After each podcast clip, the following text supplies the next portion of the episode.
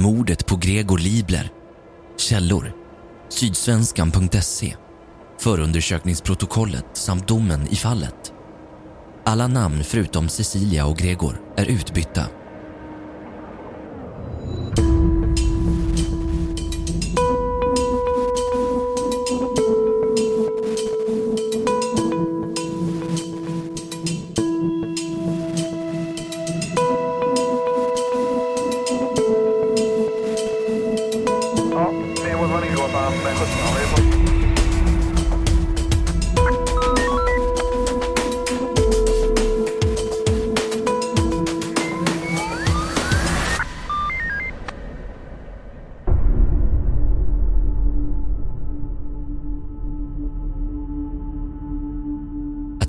Kvinnor som mördar är ytterst ovanligt i Sverige. Och när det händer så mördar kvinnor nästan uteslutande sina män eller sina barn. De står för ungefär 10 procent av det dödliga våldet. När en kvinna dödar så är det inte ovanligt att hon själv utsatts för våld. Ofta sker det här i missbruksrelationer. I vissa enstaka fall, som till exempel det så kallade Arboga-fallet, har brottet planerats för egen ekonomisk vinning. Men det vanligaste är att mordet sker i affekt.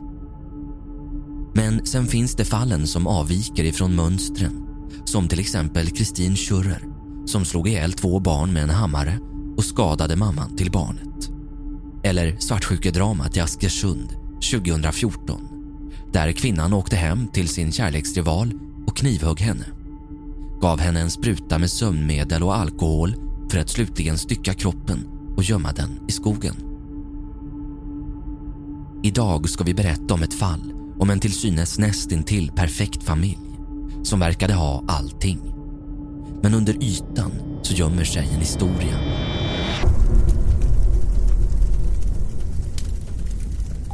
Det är den 30 januari 2016. Cecilia Libler ringer till SOS Alarm och uppger att det brinner i hennes förråd.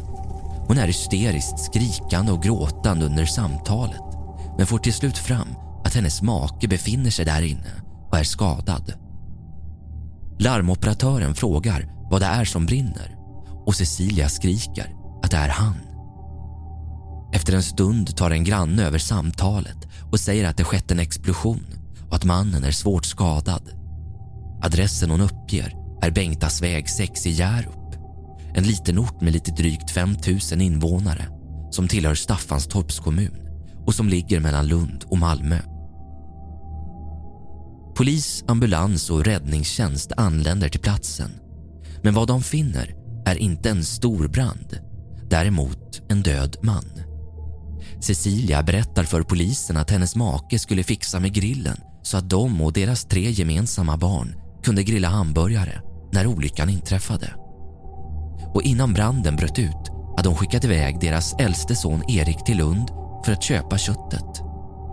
Men det dröjer inte länge innan polisen börjar misstänka att Cecilia har någonting med händelsen att göra. Och när man hittar blodstänk på hennes jacka samt en blodig yxa och en hammare i förrådet bredvid kroppen så grips hon för mordet på maken. Kort därefter hittar man även nedblodade kläder i en plastpåse slängda i familjens soptunna. Och man kommer senare konstatera att förutom alkohol så har Gregor även sömnmedel i kroppen. Under utredningens gång så ska det komma fram en bild av ett mycket olyckligt äktenskap där allting på ytan ser bra ut. Paret hade tre barn tillsammans, ett hus, en hund och till och med planer på att köpa ett hus i Spanien. Men sanningen var en annan. De gifter sig 2001. Cecilia har känt sig både psykiskt och fysiskt inlåst i över tio år med en man som enligt henne hade grava alkoholproblem. Men det här är något som varken anhöriga eller arbetskollegor verkar veta speciellt mycket om. Trots allting hon berättar om Gregor så skulle Cecilia ändå neka till att ha någonting med hans död att göra under hela utredningens gång.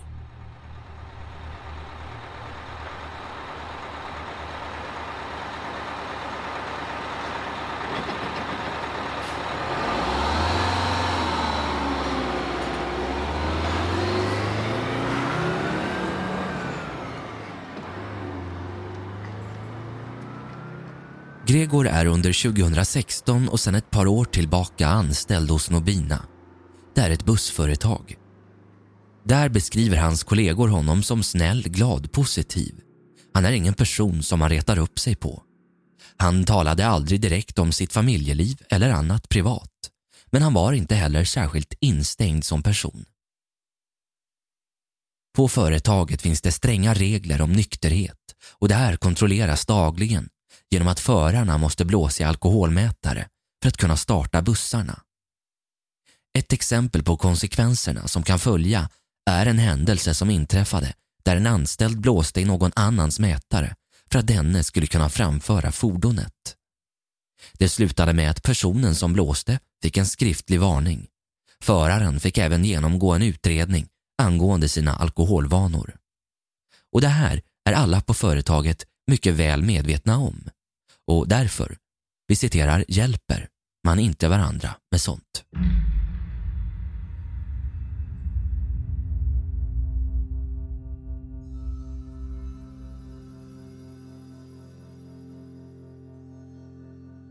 Gregor träffar sin fru Cecilia 1999. Cecilia är då gift med en annan man sedan några år tillbaka men lämnade honom för Gregors skull. Mellan 2006 och 2013 så börjar Gregor som distriktschef på ett företag som heter Shurgard. Även hans kollegor där upplever honom som en bra chef. Lyhörd, glad, trevlig och stöttande. Vissa säger till och med att det är den bästa chefen de någonsin haft. Där behandlar Gregor alla med respekt och ser till allas lika värde. Men livet som för Gregor verkade se bra ut utåt sett hade dolda sidor. Det är när han påbörjar sin tjänst som store manager 2005 i Malmö som han börjar må dåligt. Han har alldeles nyligen fått reda på att hans fru varit otrogen. I ett personligt brev ifrån en medarbetare till Cecilia på det försäkringsbolag som hon arbetar på skriver en kollega till Cecilia, till Gregor, att Cecilia inlett ett förhållande med en annan kollega. Det förhållandet höll inte mer än två veckor men bara några månader därefter så inleder Cecilia ännu en relation med en annan kollega i ungefär två månader. Hon flyttar då ifrån familjen under ungefär ett års tid och skaffar en egen lägenhet inne i centrala Lund. Gregor bor kvar i huset och tar hand om barnen på egen hand. Han har två barn sedan ett tidigare äktenskap. Han och Cecilia har fått två söner och en dotter gemensamt. Jobbet, otroheten och kaoset som nu uppstått tar inte bara hårt på psyket utan också på kroppen och Gregor går ner närmare 20 kilo under det gångna året i vikt.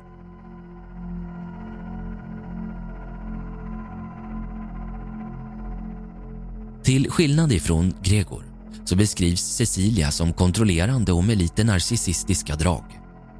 Men vad hon än gjorde så tog Gregor alltid tillbaka henne. Trots svackor, sår och svek så verkar de hitta tillbaka till varandra.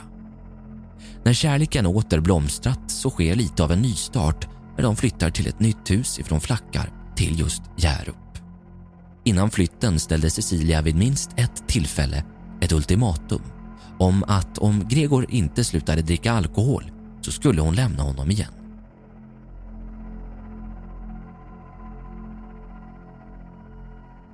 En lagad familj. Utåt sett så verkar de vara en helt vanlig familj. Gregor var nästan alltid ute och grejade med någonting i trädgården och när han inte gjorde det tvättade han sin bil. Han hjälpte också ofta grannarna om det var någonting de behövde. Familjen var ofta ute och gick tillsammans med alla tre barn och hunden. De verkade vara lyckliga. Men däremot hände det ibland att man hade tillställningar då stora delar av grannskapet var bjudna. Och trots att ingen av hans kollegor verkar ha märkt att han ska ha haft problem med alkohol så beskriver andra att han kunde bli mycket berusad på de här olika tillställningarna. Och när han blev det så började han skryta om hur mycket han tjänade. På festerna så var det istället Cecilia som verkade stabil, ödmjuk och jordnära. Men det är inte bara på tillställningar som grannar och vänner reagerat på att Gregor kan ha haft problem med alkohol. Vid konflikter så kunde man höra makarna bråka mycket högljutt och om någonting gick fel när Gregor grejade i trädgården så kunde han skrika rätt ut och bli mycket arg. När bilden blir allt tydligare så verkar det snarare vara viktigt för familjen att upprätthålla en bild av att de hade väldigt gott om pengar. Att det inte fanns några vidare större bekymmer eller problem innanför deras låsta dörrar och att allting var precis som vanligt, som det skulle vara. Och det här är någonting som flera personer vittnar om efter en rad olika händelser och uttalanden ifrån familjen.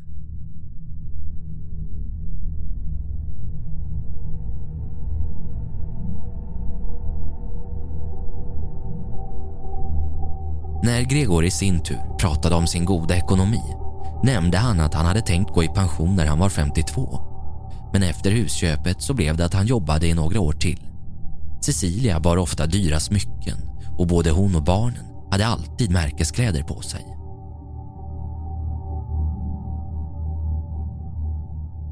Men vad är då egentligen så fel?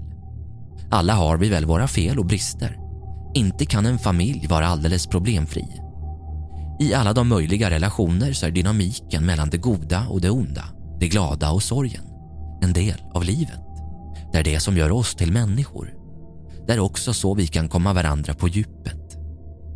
Men som i de flesta situationer där vi blir lurade av en fasad så når man till slut en bristningsgräns.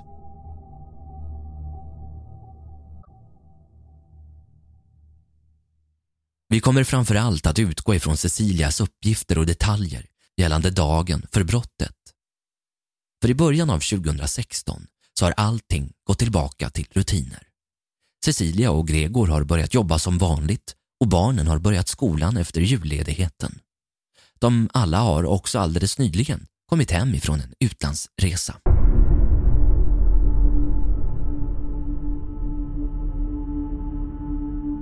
Det är lördag den 30 januari. Det börjar som en vanlig kylig vinterdag för familjen Libler. De kliver upp tidigt och Cecilia som jobbar varannan helg var ledig och gjorde det som hon brukade göra. Bland annat att byta sängkläder och städa. Gregor fixade frukosten men hade också redan hunnit dricka några öl och något glas vin på morgonen. Därefter så ger makarna sig ut tillsammans och går sju kilometer i skogen de har det mysigt och trevligt och de pratar om allt och inget. När de väl är hemma igen så är det dags att äta lunch och maten fixar Gregor i vanlig ordning. Familjen äter tillsammans och sen går Cecilia ut och tvättar bilen medan Gregor grejar med några buskar i trädgården som behöver rättas upp.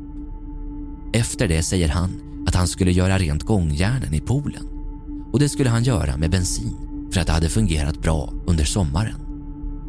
Men under tiden som han håller på med buskarna så ser Cecilia att han tippar omkull. Hon går dit och frågar om han behöver hjälp, men han säger nej. Sen försvinner han runt husknuten och Cecilia går efter och säger att han borde gå in och lägga sig. Han säger att han inte vill gå in i huset, men att han ska gå och lägga sig i förrådet istället. Vi citerar. Ni har tagit över huset, så det är den enda fristaden jag har. Det var inget ovanligt att han la sig där inne. Han förvarade sina öl i kylen där. Och de kom överens om att han skulle vila ett par timmar och att Cecilia skulle väcka honom senare.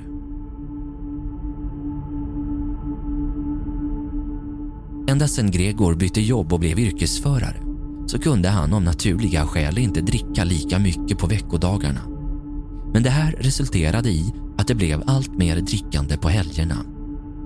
Under den senaste tiden så hade han varit så berusad att han började tappa balansen och ramlade och slog sig vid flera tillfällen. En av gångerna så hårt att han fick ett jack i huvudet och vid ett annat tillfälle skadade han handleden.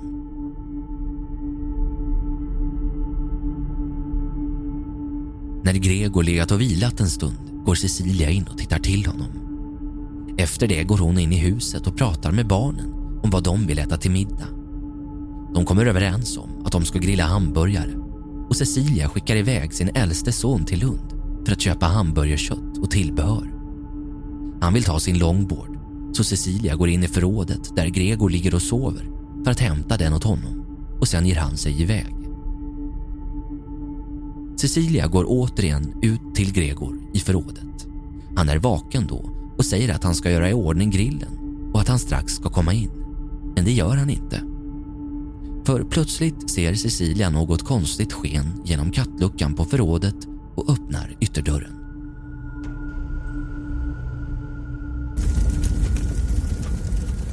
Hon springer ut och sliter upp dörren och ser att det brinner. Gregor är medvetslös och hon försöker dra ut honom innan hon tar sin telefon och ringer 112. Efter det springer hon och hämtar trädgårdsslang. Samtidigt kommer en granne som hör skrik och försöker hjälpa till. Vid den här tidpunkten så har barnen hunnit uppfatta vad det är som händer är på väg ut ifrån huset. Cecilia stoppar dem för att hon inte vill att de ska se sin far. Och här börjar historierna gå isär.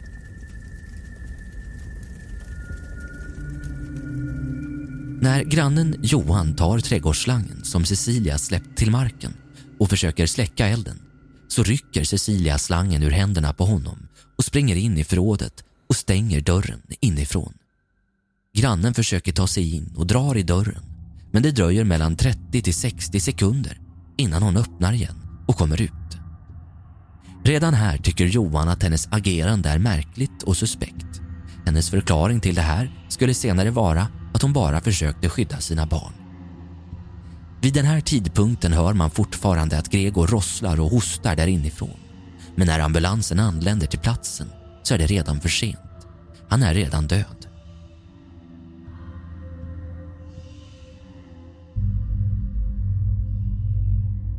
Sonen Jakob ringer till brorsan Erik som är och köper grillmat. Han säger att det hänt något hemskt med deras far och att han därför måste komma hem. Erik blir rädd och skyndar sig. I nära anslutning till villan möts han av räddningspersonal som följer med honom in till en granne. Där sitter hans förtvivlade syskon och Cecilia springer fram och säger att pappa är död. Det dröjer inte länge efter att polis, ambulans och räddningstjänst kommit till platsen innan de hittar den blodiga hammaren och yxan bredvid Gregors livlösa kropp.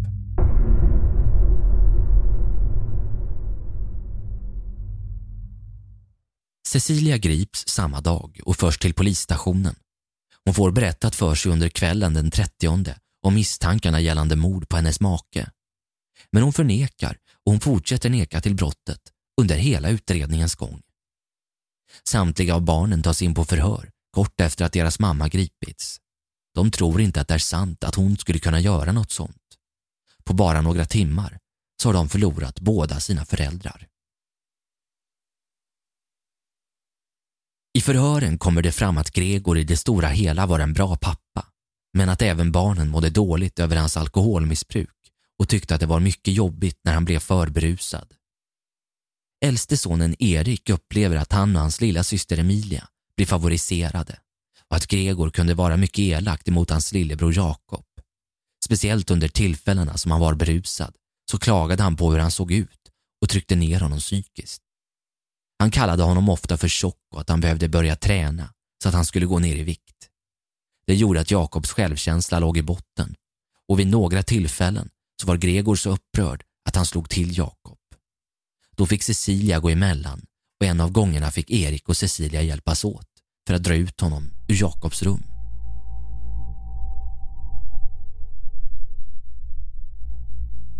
Men det står snabbt klart att Cecilia högg sin man med en yxa och satte eld på honom. Och även om han visade livstecken så slog hon honom med en hammare. Men vad var då motivet? Var det alkoholismen, humöret eller den orättvisa behandlingen mellan barnen?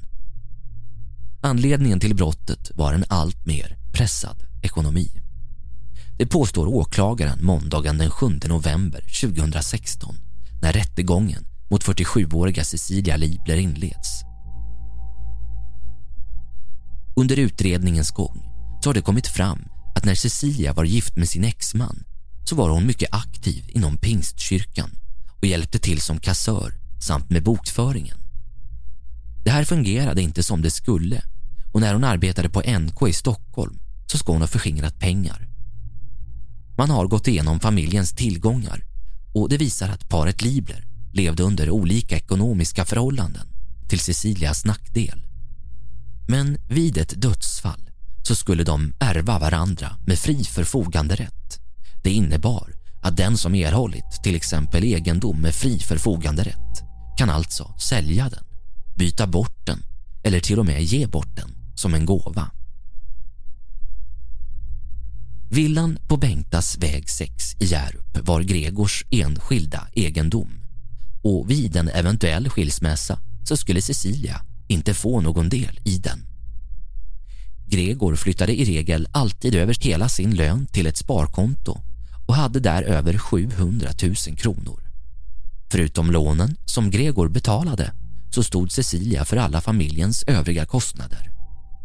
Och det visar sig att hon, utöver bolånen, har kreditskulder på över 900 000 kronor. Förutom det här så har hon disponerat tre kreditkort med skulder på över 85 000 kronor. Och dessa står i Gregors namn.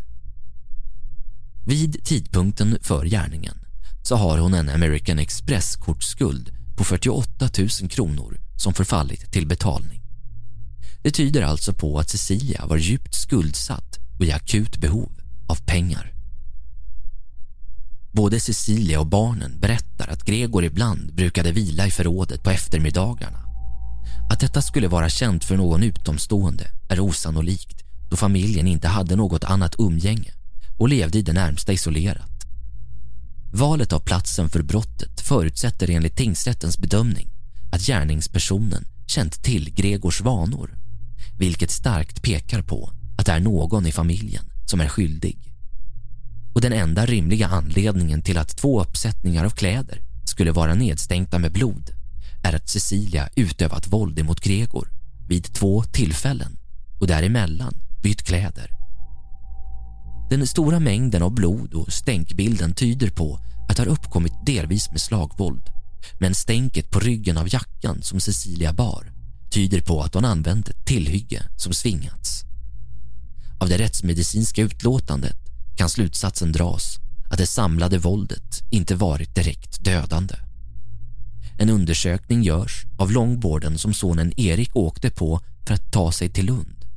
På denne fanns inget blodstänk. Den brukade stå inne i förrådet som kroppen hittades i och det bevisar således att han var oskadd vid 16.36 när Cecilia hämtade långborden i förrådet åt sin son. Därför dras slutsatsen att händelseförloppet har ägt rum någonstans mellan 16.35 till 16.53 då det första larmsamtalet kommer in. Åklagaren yrkar även på att Cecilia ska dömas för mordbrand. Men tingsrätten gör bedömningen att branden var så liten att det just då inte fanns någon direkt spridningsrisk till intilliggande fastigheter. Åklagarens sammanfattande är att Cecilia har gett Gregor sömnmedel. Han har sen gått in i förrådet och lagt sig i en solstol för att vila och därefter har Cecilia skickat iväg deras äldste son till affären för att handla medan de två yngre barnen befann sig på sina rum. Därefter har hon gått in i förrådet och huggit honom i huvudet med en yxa. Han har då fallit till marken. Då häller hon bensin över honom och tänder på. Cecilia döms i tingsrätten den 30 december 2016 till 16 års fängelse och hon ska betala 125 000 kronor i skadestånd till efterlevande. Till en början överklagar båda parterna domen. Cecilia yrkar i första hand via sin advokat på att bli helt frikänd och i andra hand för att straffet ska sänkas. Överklagan tas dock tillbaka och domen på 16 år kvarstår. Du har lyssnat på Svenska mordhistorier med mig Sebastian Krantz. Skribent för det här avsnittet var Sofie Krantz. Alla förutom Cecilia och Gregor heter egentligen någonting annat. Tack för att du har lyssnat.